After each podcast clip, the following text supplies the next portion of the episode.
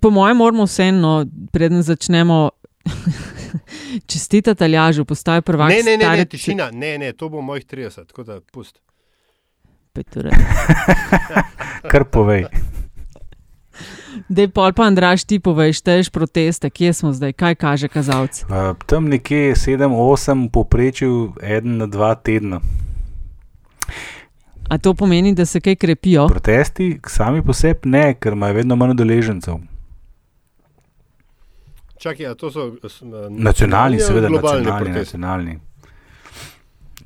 In kaj je bil zadnji? Je bil pa, se mi zdi, da včeraj uh, zaznal sem uh, poziv na parkomatu v obliki osmrtnice, da je slovenska vlada nekoga ubila in da se bodo žalujoči zbrali pred Prešenovim spomenikom.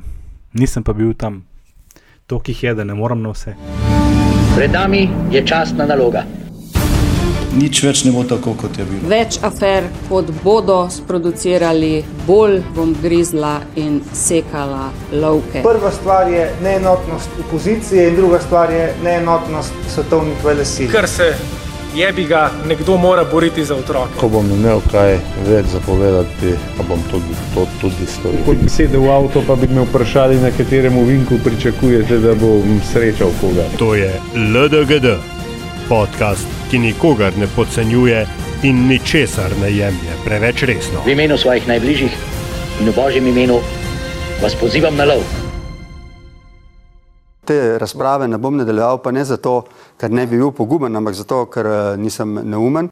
LDGD, podcast, ki nikogar ne podcenjuje in ničesar ne jemlje preveč resno, še posebej ne politike. Vaši gostitelji smo Aljaš Pengalbitenc, Radio Chaos, Antiša Korjan, Primorske novice, Andraš Zorko Valikon in Nataša Briški, Metina Lista. Um, smo rekli tri teme, a ne v tej epizodi, če sem jaz prav štela naše WhatsAppanje.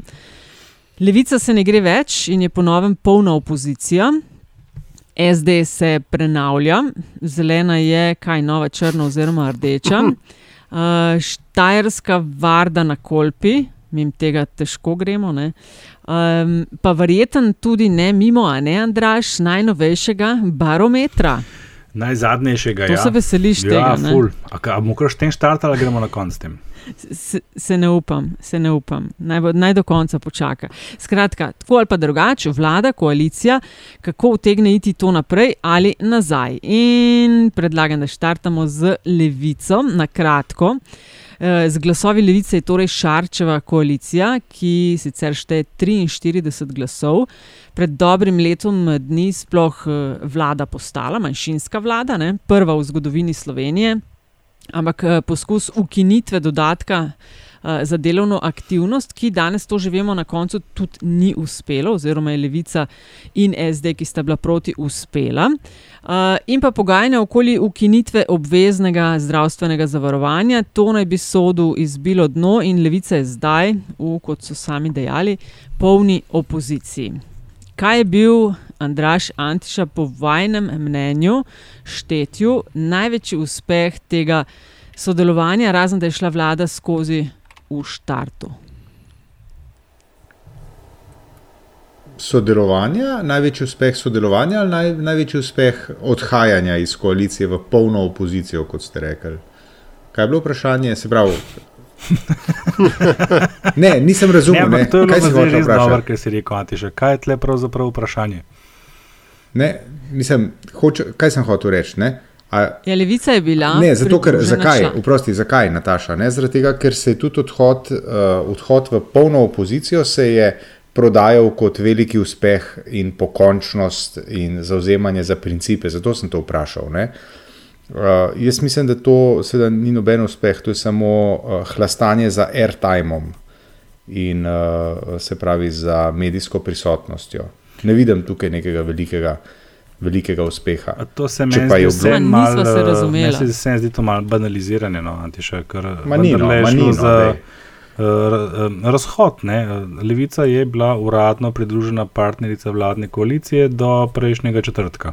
Ampak, dajmo počakati, dajmo počakati, kaj še en mesec, dva, da bomo videli, kako dokončen je bil ta razhod. No, jaz ne bi dal roke v ogen, da, je je dokončno s tem? dokončen. Dej, uh, oni so podpisali sporozum, s katerim so omogočili izvolitev Šarca na mesto predsednika vlade oziroma mandatarja takrat. ne. Ta sporozum je zdaj dokončno preklican. To je fakt. Uh, koliko bojo pa oni še naprej sodelovali, je pa s tem je pa tako, kot koliko so pa do zdaj ne sodelovali. Se že do zdaj je bilo kar nekaj primerov, kjer je vladna koalicija vlagala zakone, ki jih levica ni podpirala. Ja. Drži? In obratno. In obratno, tako. Tako da po tej plati se zelo ne bo spremenila. Razlika pa je v tem, da sporozuma ni več.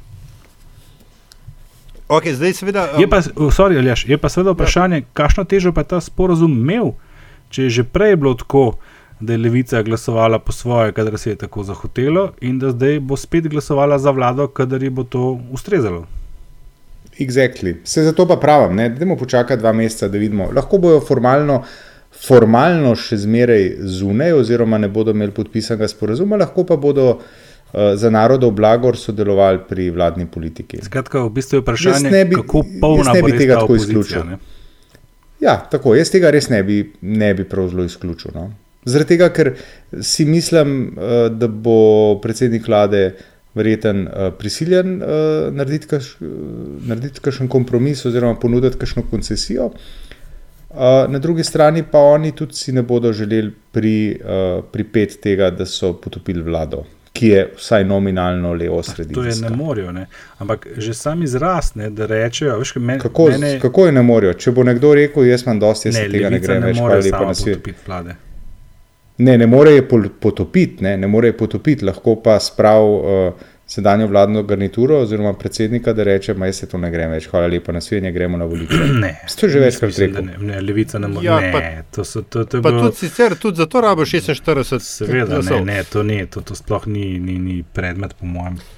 A je, a je možno, da je Šarc zdaj paradoksalno močnejši, oziroma ima več manevrskega prostora, ker mu ni treba, vsaj formalno, po sporozumu za vsako zakonodajno inis- inicijativo najprej iti um, požegan, da tako rečem, k levici. No, zven že zgleda tako, ne? ampak če smo prej ugotavljali, da je že prej levica včasih glasovala drugače kot vladna koalicija, potem se ni veliko spremenilo v resnici.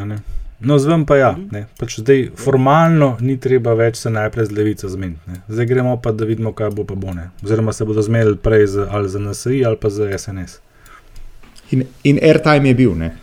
Ja, ampak je, to se mi zdi sem banaliziranje antišano. Ma ni no. To je je banaliziranje. m- mogoče tukaj je lekcija, ki je tako mečkam pod radarjem, kot se reče, ne, je, je ta, da je to, kar sta levica pa koalicija imela, je nekaj, kar lahko traja kratek čas. Ne. To, to je mogoče nek spe, eksperiment v političnem inoviranju, ker so se vsi strinjali, da se ne bodo ukvarjali z dejstvom, da oba partnerja sedite na dveh stolih hkrati. In ampak Ampak in dokler so lahko vsi gledali stran, je to nekako šlo. Ne? Pol pa so tako kot um, tale kojot v risanki, ne? pogledali dol, ugotovili, da ni nič in puf.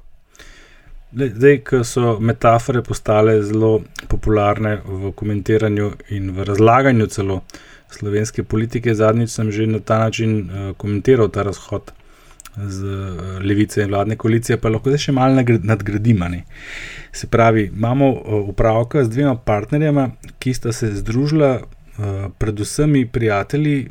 In se je mnogo kateri med njimi zgražal, kaj pa da to bo, potem sta srečno živela nekaj časa, na koncu pa vsak pri sebi ugotovila, da to ne vodi nikamor, uh, se rašla in navzven obtožila en drugega, kdo je kriv za razhod, kar pa seveda ne izključuje tega, da bosta tu pa tam še skočila v poslu. Ker, ne? Ker pač za sta, pač, eh, preizkušenega vsaj veš, kako se obnaša. Um, jaz bi pa, če dovolite, Andraš in Andiša ponovila vprašanje, ker nista odgovorila na njo, ali pa res nista razumela, Si kaj upadla, da sem se kot šarec za metaforo izognil odgovoru. Seveda. Ampak se ni tako težko, ker tega vse ni bilo tok. Uh, s tem, kaj je bil največji uspeh tega sodelovanja, dobro leto so bili skupaj v nečem. Ne? Kaj, v čem je zdaj po vašem mnenju, vlada na slabšem, kot Mislim. je bila prej? Kaj so tisti, kar bi rekli, ok, če ne bi sodelovali z levico, ok, že v štartu ne bi vlada postali, ampak česa ne bi naredili, sprejeli, kar to so. To, kar si rekla, največji uspeh tega sporozuma je bil ta, da je bil Šarac izvoljen za predsednika vlade. Ker od takrat naprej, naslednje leto, se ni zgodilo pravzaprav nič. Uh, nekateri omenjajo, recimo, uh, razbremenitev regresa, davčno, kot uspeh. Ne? Ampak kaj drugega pa ni, ne? se smo ugotavljali tudi mi, ki smo imeli uh, ne obhajilo, kaj že obhajanje ob, ob prve obletnice vlade, ne? Da, da se ni zgodilo nič. Ne? Težko je, nimaš nobenega uspeha. Tako kot tudi ni neuspeh to, da so zdaj se rašli. Ne? To, da so se zdaj rašli, je v bistvu samo preprečevanje nadaljne škode za ene in druge. Edina korist, ki jo bodo tle imeli in eni in drugi od tega, je ta, da so in eni in drugi ohranili obraz pred svojo volilno bazo. Ampak, ne, seveda nas pa to pripelje v situacijo, kjer pa smo slejko prej verjetno obsojeni na nek uh, mrtev tek. Ne. Ampak po drugi strani pa spet, ali nismo. A smo karkoli drugega pričakovali, ko je ta vlada nastala? No, če bi, uh, Nataša, če bi na vsak način poskušali najti nekaj, uh, nekaj uh, kar je bilo doseženo, ne, pa to v bistvu tako zelo osko personalno in sicer gre to na račun uh, predsednika vlade, ki je pač v tem letu uh, pokazal oziroma dokazal, na kakšen način si on predstavlja uh, uh, vodenje, uh, vodenje vlade, in je pač uh, tudi skozi to stopil uh, nekako, če tako rečem, v prvo ligo slovenske politike. Ne? On je. Lani takle čas so bili očitki o serpentinšku še kar zelo pogosti, se mi zdi, da tega pa vendarle ni več. Ne? Zdaj, zakaj ne, ne vem, ali je prepričal tudi kritike. Ampak tisto, kar je, se pravi, tisti, ki je imel morda celo največ od tega, je prav predsednik vlade, ne? ki je zastavil neko svojo politiko in se legitimiral kot uh, pač premije, z neko svojo voljo, potegnil nekaj uh, presenetljivih potez. Mm, in to je to. Škoda mi je zanimivo, Antiša, zdaj si, zdaj si umenil serpentinško. Ne? to, kar se mu je očital na začetku, sploh z desne strani, je letelo veliko teh pogosto pritlehnih očitkov. Ne? Ja, ampak veš kaj je zanč mene prešinil, da sem se pogovarjal z eno novinarko, mislim, da bo jutri zjutraj objavljeno na val 202. Uh -huh. uh, v jezikanjih me je sprašvala o uporabi metafor, uh, seveda, predvsem strani predsednika vlade, in zdaj pa je, kot kaže, še vsi ostali to povzemajo. In me je prešinil potem, ne, da pravzaprav te metafore, ki jih šarec uporablja, ne? z metaforami se nič narobe. Ne?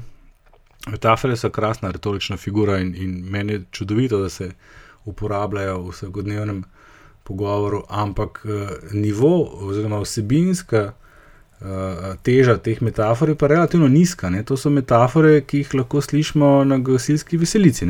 Govorimo o krofih. Odkriti, ja, krofih, ježih, zajčkih, ne vem kaj vse. Mm -hmm.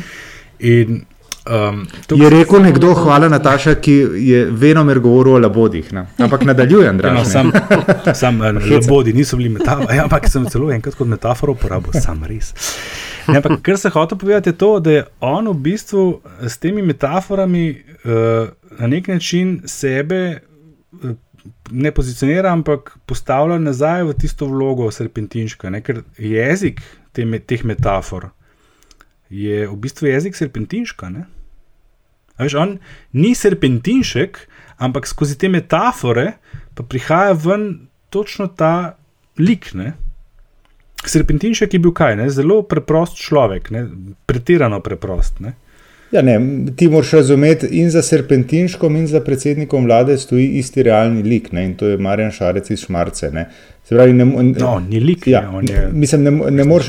Ne, hočem reči, ne, mislim. Uh, on ne more odrezati, ne? on je v serpentinškaj dal sebe in, seda, in lastno dojemanje sveta. Mislim, da to... Hočeš reči, da ne more iz svoje kože? Uh, ne, ne, ne, ne, ne, nočem reči tega, ne? daleč od tega. Jaz mislim, da se mu tu dela krivica, če se govori o njem kot o serpentinško. Ampak vendarle, vendarle neke, uh, neke vzorce razmišljanja jih ne moreš kar odrezati s tem, ko zamenjaš službo. No? Ok, ampak po drugi strani pa vendarle dejstvo, veš, da je slovenski politični uh, ali pa da rečem, ja, javno mnenjski uh, uh, milijene, je pač tak, v katerem so petrletove orgelce in če je špičasto sovile, če pa grogole pa lopata. Až, To, to ni od včeraj. Veliko krivico bi naredili, če bi zdaj vse to zvalili na, na šarca. Se zelo strinjam, Aljaš, ker ni, ni niti sam Petr Le, imaš le še Linčiča, ki je bil v bistvu prvi s to vrstnimi uh, potezami. Ne, tako. tako imaš potem Arjavca, ki tudi ni skoparil. Politični prostor je dojemljiv mm -hmm. ne, za take stvari. Slovenski politični prostor je bolj prehostar kot ulero, ne, če smo že premetali. Je pa, pa zmeri slabše. To pa je treba, to pa je treba tudi ugotoviti. Zakaj se ti tako zdi, Antiš? Da, da je zmeri na nižjem, da je zmeri na nižjem ja. nivoju. Ja, to uporabljate domačijske retorike ali pa metafor. Uh, zaradi tega, ker slovensko politiko spremljam recimo zdaj zadnjih 30 let in vidim kvalitativno razliko. No, mislim, da je tukaj Aljaš rekel, ne, že uh, Petr Le, ja. to je pa že 25 let nazaj, je uporabljal na nek način to vrstno retoriko. To smo mogoče malo pozabili. Mm, ja, tako ne. Jelinčič, Lejte, Jelinčič, Jelinčič je drugo. Ne. Ampak Peterle, veste, Peterle, Peterle, te njegove orgelce, pa vile, pa lopate, ali kaj že bilo. Ne. To so bili tako, se mi zdi, v, političnem, uh, v tisti politični konstelaciji, tako bolj kot neosamljeni primeri, pa tudi Peterle je njegov način govorjenja, vendar je bil večinsko precej drugačen od vil in lopat. Uh, Uh, Medtem ko danes nekateri, prej bi omenjen Karl Javc, ne, do nedavna on je v bistvu uh, vse njegove izjave so bile v tem slogu. Vsaj v podtonu. No, mislim, za razliko od Javca se mi šarec zdi vsaj duhovitno, tako bomo rekli. ko, smo že, ko smo že pri spremljanju politike več kot 30 let, mm, potem ko je Slovenija od kaj leta 94, 92, 94 naprej praktično ni imela zelene stranke, ne? je, kot je Nataša na začetku rekla, zelena nova črna, oziroma je zelena nova rdeča. Kaj se zdaj dogaja? Ja, pozorni bralec Twitterja je zaznal že 20. septembra premik SD-ja, oziroma vsaj enega dela njega, v zeleno. Namreč takrat je minister Pikalo, Pikalo, Pikalo, Pikalo. Pikalo, Pikalo, Pikalo. Pikalo objavil, da bodo doma pri njih drugi avto, z besedo drugi avto, zamenjali za car sharing, kar je razumel kot izjemno potezo v smeri zelenega. Dobro, rabimo še, kakšen, še kakšno ilustracijo tega, kako je nivo uh, razprave v politiki padel, kot to, kar si ravno kar Andraš ti omenil na Twitter, Twitterja. Mislim, to so teme, kaj, o katerih šolski minister in menda ideolog SD-ja ima zagovoriti. Ne vem, meni se zdi to malo brez veze. No, mislim, nič narobe ni s tem. Nič narobe, ne, ampak verjetno, verjetno ne, imaš kaj za povedati. Politik pove, kaj v prostem času počne, se v končni ja. fazi to ljudi najbolj zanima, načeloma. Čakaj, še zakaj, ti pa, zakaj te pa to tako zelo moti, pa ne, da bi bila kakšna posebna stvar? Ne, zato, ker se, mi, se mi zdi, ne, ne da me moti to samo po sebi, ne, se mi pa zdi, da je to ena ilustracija profanizacije, banalizacije. Ne? Ne, zakaj? Pa si s tem izrazil svoje stališče, si, to, to, to nas zanima. Mislim, s tem je predvsem v prvi vrsti povedal SD. Kako politike, smo progresivni? Ne? SD se obrača ja. v ja. zeleno in SD pač zdaj bodo vsi z bicikli okoli. Meni se zdi strašno narodno, sam predvsem tem samo to, da gre za drugi avto. Uh -huh. Ti jih hoče reči, da bo bicikl na mestu drugega avta. Bravo. Ampak, le, veš, baby steps. Ne? Baby step. Je pa seveda res, da mogoče zdaj ne bo rabo niti kar sharinga, zdaj, ki ima toliko manj PR-ov. Ja, ima ja. pa dve karti za polete v planici. Ja. Ja, imamo kakšno mnenje, Antiša? Glede tega uh, odstopilo, tri od štirih v PR-u na ministrstvu, ki ga vodi Pikalo, in obtožbe o slabih odnosih. Uh, dost podobno se sliši kot strankarski kolega Prešiček? No, jaz glede tega vem premalo, da bi lahko, uh, da bi lahko sodil. Uh, da bi pa iz tega, da uh, PR-ovci zamenjajo službo, delali, uh, delali mogoče večjo politično zgodbo, ne, bi pa moral, oziroma morala biti, moral biti nivo PR-a na slovenskem bistveno, bistveno višji kot je. Uh, Vem, v Ameriki je zgodba, ko Sean Spicer zapusti, ne, pa potem še serija za njih. uh, za njim zapusti Donalda Trumpa ali pa uh, ne vem, vse veliko znanih imen. Donalda Trumpa nihče No, on, ne zapušča. ja, tako, on ja, tako ja, on, on jih odpušča. Ne. Mislim, to je zgodba, zato so oni faktori. Ne. Pri nas, po izkušnjah, ki jih imam s PR-om, to je tako zelo, zelo, zelo žalostno. Ne. Tako da to nima veze s tem, kako naj bi, po mojem, PR izgledal, zato ker to so pisni odgovori na pisna vprašanja in to ni ničemur podobno. Tako da iz tega, iz tega jaz tako političnih sklepov ne bi vlekel, kaj se je pa dogajalo, uh, bi rekel, na ministrstvu glede odnosov, pa kot rečeno, vem premalo. Ne? Da bi, in, in še nekaj, ne? mobbing, je, mobbing je v Sloveniji zelo, zelo, zelo zlorabljena beseda, to vemo. Je resen problem, kadar gre za to. Ampak ni pa vse, kar pride od zgoraj na vzdolj mobbing. To moramo Antiša, vedeti. s tem moraš biti zelo previden. Vem, vse sem. Ker si zgoraj. Vse sem. A veš, kaj sem hotel reči? Zanimivo, kako ima ta minister majhne težave s temi, s temi razsežnostmi problemov. Ker mene pri tem primeru PR-ovcev ne vznemirja to, da so ga zapustili, ampak ta množina. Trije od štirih. Minister za izobraževanje ima štiri PR-ovce. A se pa komu to- zdi to Minister, ministrstvo, pač- Pa, a veš, da me- meni se po resnici ne, ne, ker je ministr za izobraževanje, znanost, tehnologijo, Šolstvo, šolstvo, šport. Pač tako, mogoče da mora vsak od njih en področje pokrivati. sen, štiri, štirje ljudje, Ja. full time. To je, a, ti zračunam na hitro, koliko ur na mesec je to.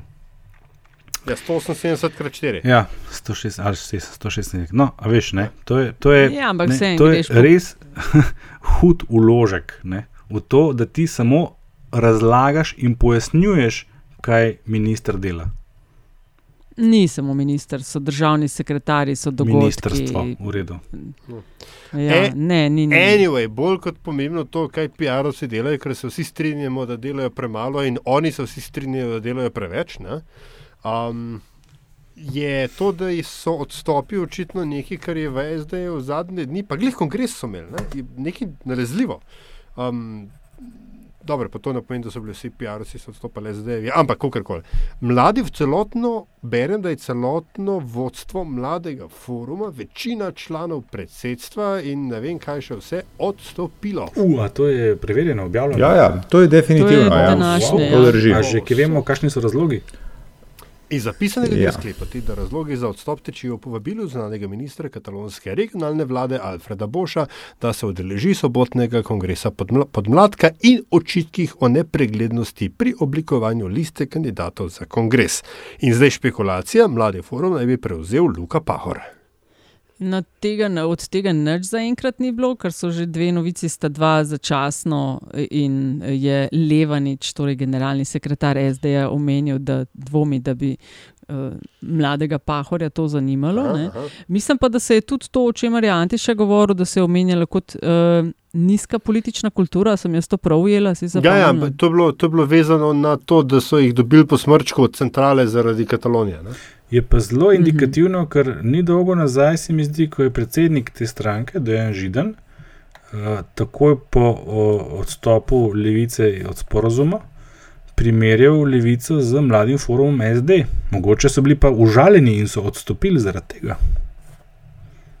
Ja, Židan je tudi še eno zanimivo stvar. Za, eh, to je bil, mislim, da intervju za večer. Ne, uh, rekel, da naj bi pojavu levice botrovale tudi, uh, citiram, nekatere napake SD, na kar je, ne vem, če ste um, ujeli, levica je na to na Twitterju odgovorila, ja, ena teh je pokroviteljski odnos. A se spomnite, kaj je Židan Ja, vabil meseca pred.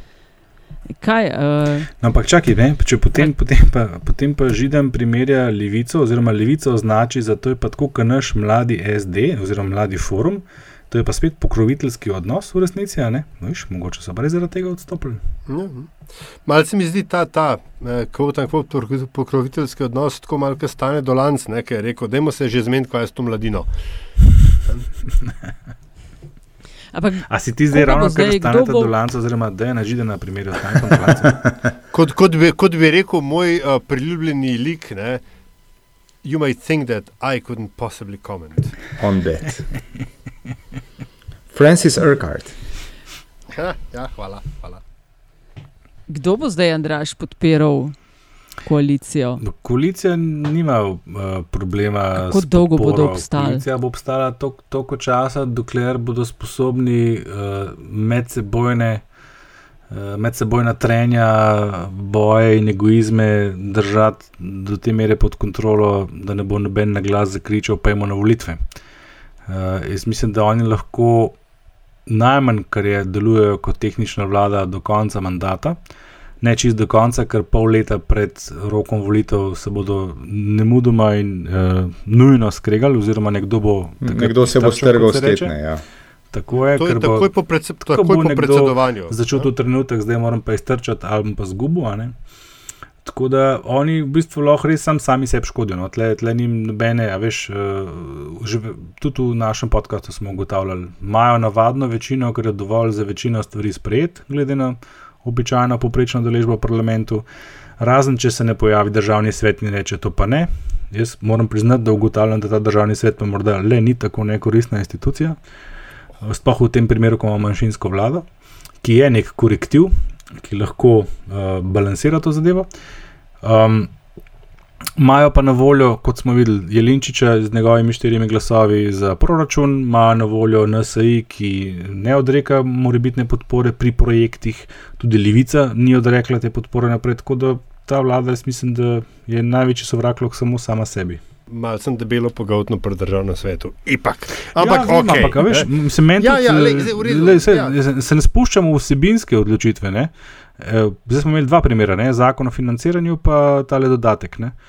Dvakrat so uporabljali ta veto, ampak eh, sploh se ne spuščam vsebino tega. Samo se mi zdi tak kar koristen korektiv v primeru manjšinske vlade. Ker pač, če tega ne bi bilo, bi manjšinska vlada lahko večinsko vladala.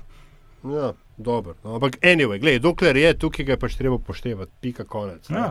Pri, ko smo že pri upoštevanju, oziroma neupoštevanju, uh, neformalni vodja opozicije in njegov pribočnik sta razglasila, da, da, da so žrtve, da je opozicija žrtev formalnega državnega udara. kako že. To je neka nova definicija državnega udara, ker poznal sem do zdaj vojaškega, pa političnega. Ne? Državnega brez prilastka. Ja, tako. Potem smo imeli ustavni državni udar, to se je tam okoli leta 2000 dogajalo in sta ista dva lika to furala, to zgodbo. No, zdaj sta pa Janša pa Grims rekla, še, da je šlo za formalni državni udar, ko je svet za nacionalno varnost iz današnje seje, uh, snemamo to v sredo, da smo si na jasnem, izločil opozicijo in uh, na tej seji pa med drugim zahteval tudi spremembe zakonodaje, ki bi preprečila oziroma omejila ukrep, uh, delovanje raznih štajerskih in drugih vard, in ki bi dala državi več pooblastil, da proti tem samooklicanim skupinam ukrepa. Eh, Kaj se dogaja in ali je to sploh pomembno? To je zgolj formalnost. Dogaja se, da je za prejšnji vikend sem eh, dobivala na, na Facebook timeline časovnico. Um, kolege, tako dva tedna nazaj je bil električni mrk, ki je popolnoma zatemnil Kočevsko, en teden zatem pa ljudje na Facebooku objavljajo te fante, ki imajo že svoje uniforme Kar je, kar je grozljivo. Kar je grozljivo ne? In se podijo ob kolpi, šotorijo in z zračkami, zračnimi puškami in še čim, laufajo okoli in se delajo, da pre, nas varujejo pred migranti. Veste kaj, mi lahko. Dve stvari res skrbite. Prosti, Andraš, a smem, a smem, a dovoliš? Ker imam tako, mislim, mi je dala lepo istočnico Nataša. Um, mi lahko s ponosom rečemo, smo vam rekli, kaj bo. Ne? Mi smo v tem podkastu se že pogovarjali o tem, in stvar je zdaj v recimo enem letu dobila bistveno širše razsežnosti, kot jih je imela, ko so se fantje nekje na Štajerskem postrojili v nekem de deževnem dnevu, če se prav spomnim, in se jim je cela Slovenija smejala. Takrat, takrat smo mi rekli, ne se hecati, ta stvar bo dobila večje razsežnosti in jih je dobila. In uh, rekel, kot človek, ki uh, nekako zagovarjam stališče manj države, manj države, manj države, tukaj se mi pa zdi, da lahko rečemo oziroma pričakujemo več države. Tukaj pa lepo prosim, če uh, represivni aparat, pravosodni aparat in tako naprej odigra svojo vlogo, pa poskrbi, da se da se bom lahko ob Dragoni pre, sprehajal, uh, brez da mi kdo skoči na glavo, uh, oblečen v maskirno uniformo iz kitajske trgovine in uh, oborožen zračno puško. Ker točno, to, točno te, s tem so, smo soočeni, da se nam zna zgoditi. Ta, ta represivni aparat Antiša, po katerem kličeš, se je menda oglasil in na, na, na Tumblrju, a to sploh še obstaja, uh, objavil svoje stališče. Drugač pa mene v tem primeru dve zadevi izrazito skrbita.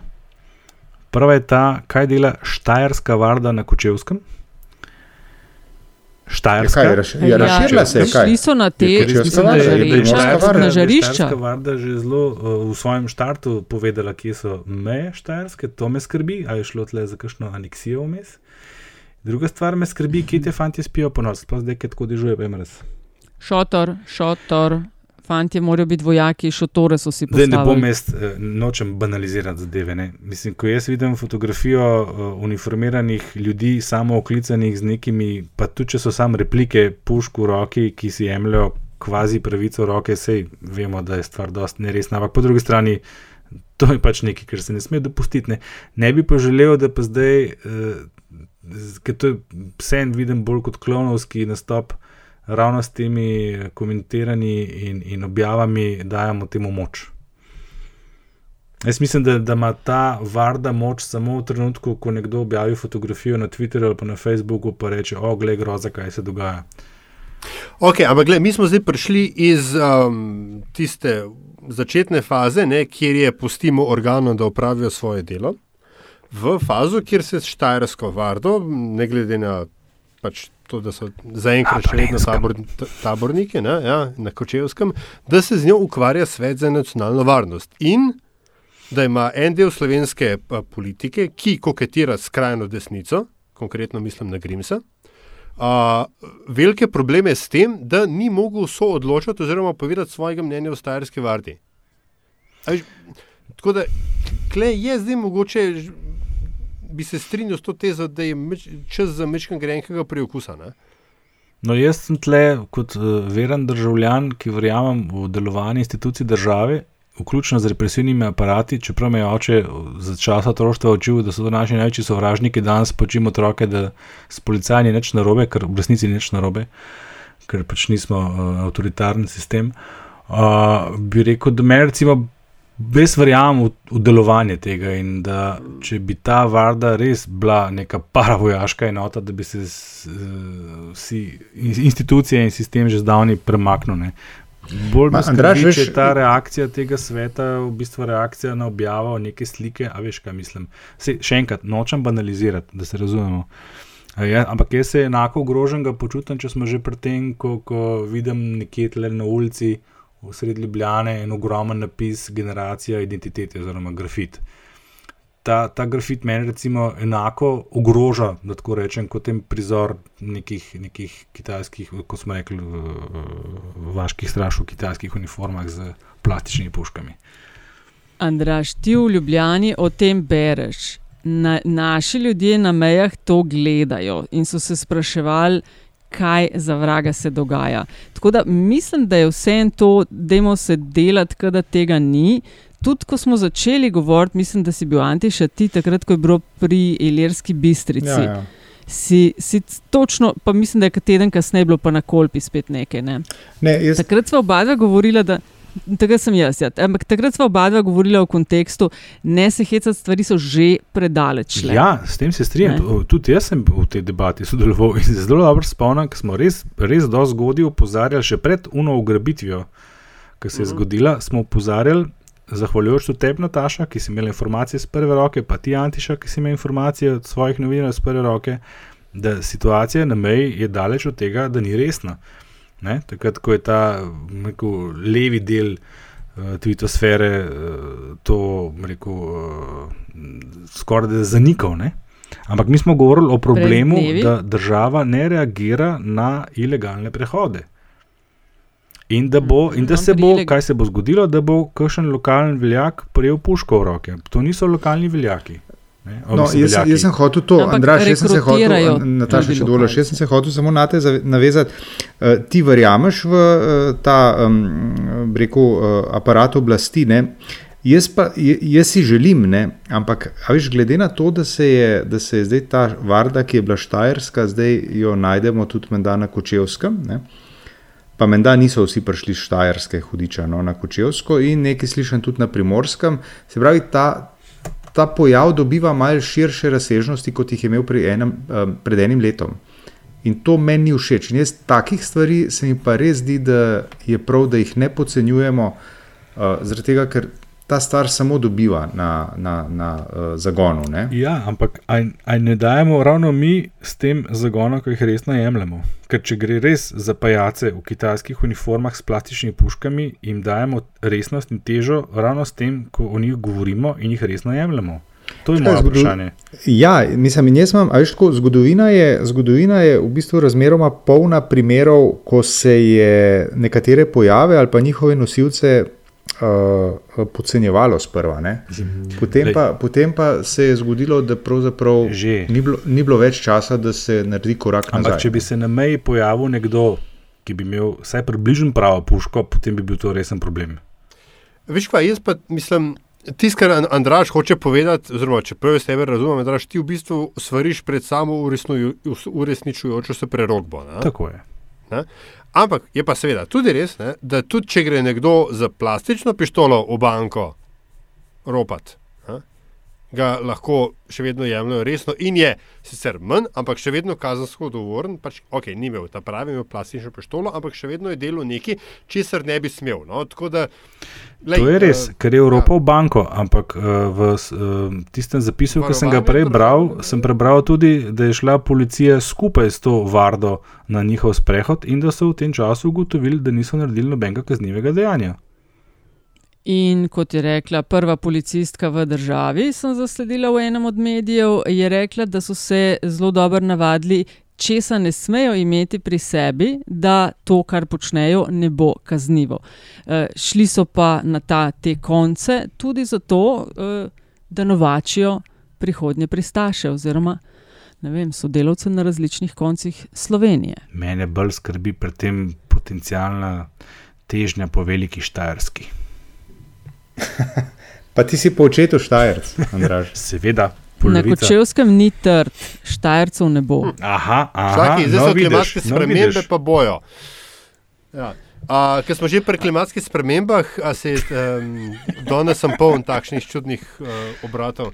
Uh, Andraš, klima se je menda zelo spremenila in levica, nivo levice je zrasel kot nivo Severnega Jadranskega morja pred par dnevi. Nedolgo nazaj smo govorili o pacu podpore Šarcu in sem rekel, počakajmo vsaj še eno meritev, da se ta potrdi. Pri tej podpori, ki naj bi narasla levici, bom rekel, seveda isto. To, kar me tle najbolj uh, znemirja in, in onesrečuje, je pa dejstvo, da so spet vsi mediji pobrali interpretacijo, oziroma so si jo namislili, češ, Poglej, ta rezultat je pa odraz javnega mnenja na odstop levice od sporozuma, nihče pa ni pogledal in preveril, da so se te ankete izvajale pred časom, ko je levica odstopila od sporozuma. A moram še kaj dodati? Ja, ker to krat dva. Zakaj sem razmišljal?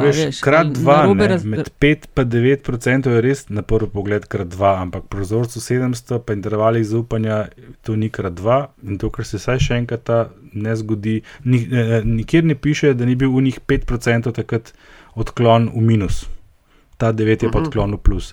Naša meritev, ki smo izvedli pred enim mesecem, kaže na približno isto podporo, kot je imela Levica, tudi ko smo na zadnje to delali, mi delamo to enkrat na pol leta, približno, kar je več kot dovolj. Uh, Levica ima stabilno podporo, tle, tle ni odklonov, plus minus. Lahko je neka dnevna, da boš morda za šankom dobil več glasov za, ko bo mesec kaj pametnega rekel, ali pa kordiš, ali pa obratno, če bo kakšnega kozla vsekel, ali pa ne vem, kaj se mu bo zgodil, Sonja. Uh, Ampak tle ni, ni potencijala za večje odklone. Levica ne bo šla nikoli čez 10, ne bo šla nikoli pod recimo 6, tako nekje.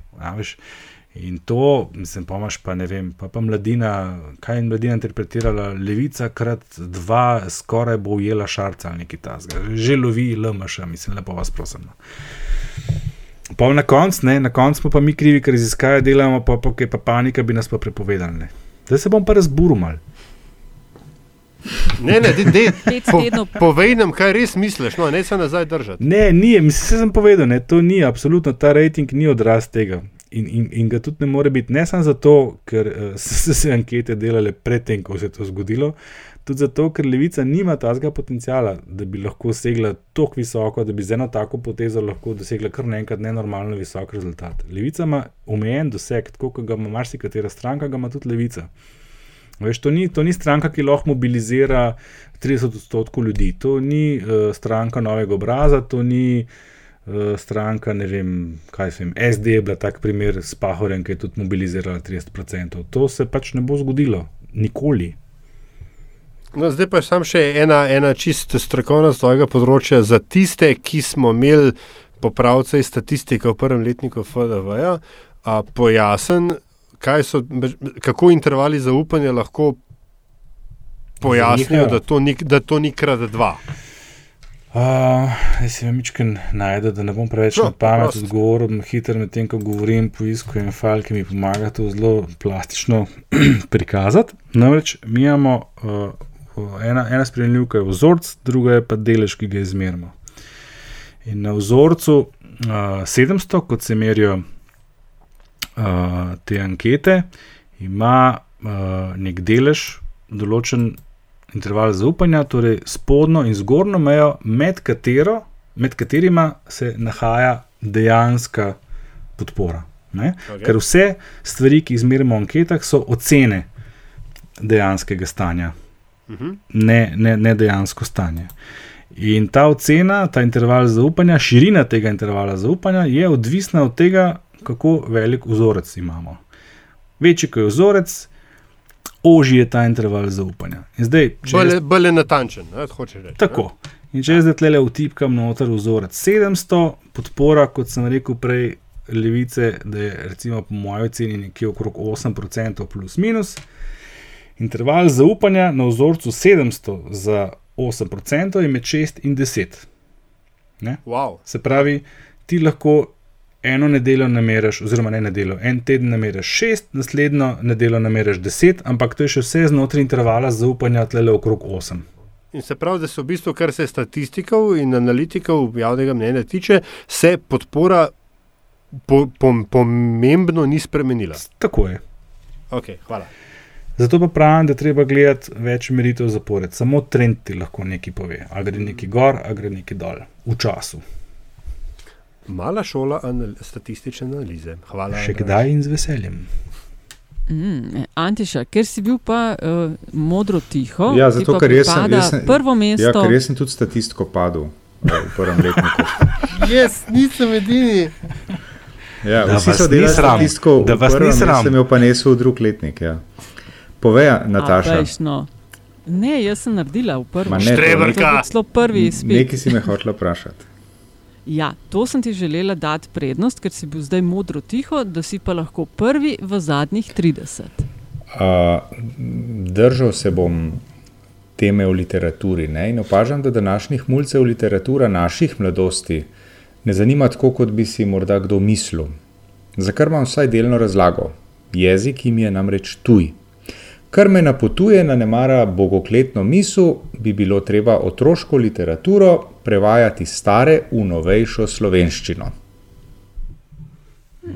Slol.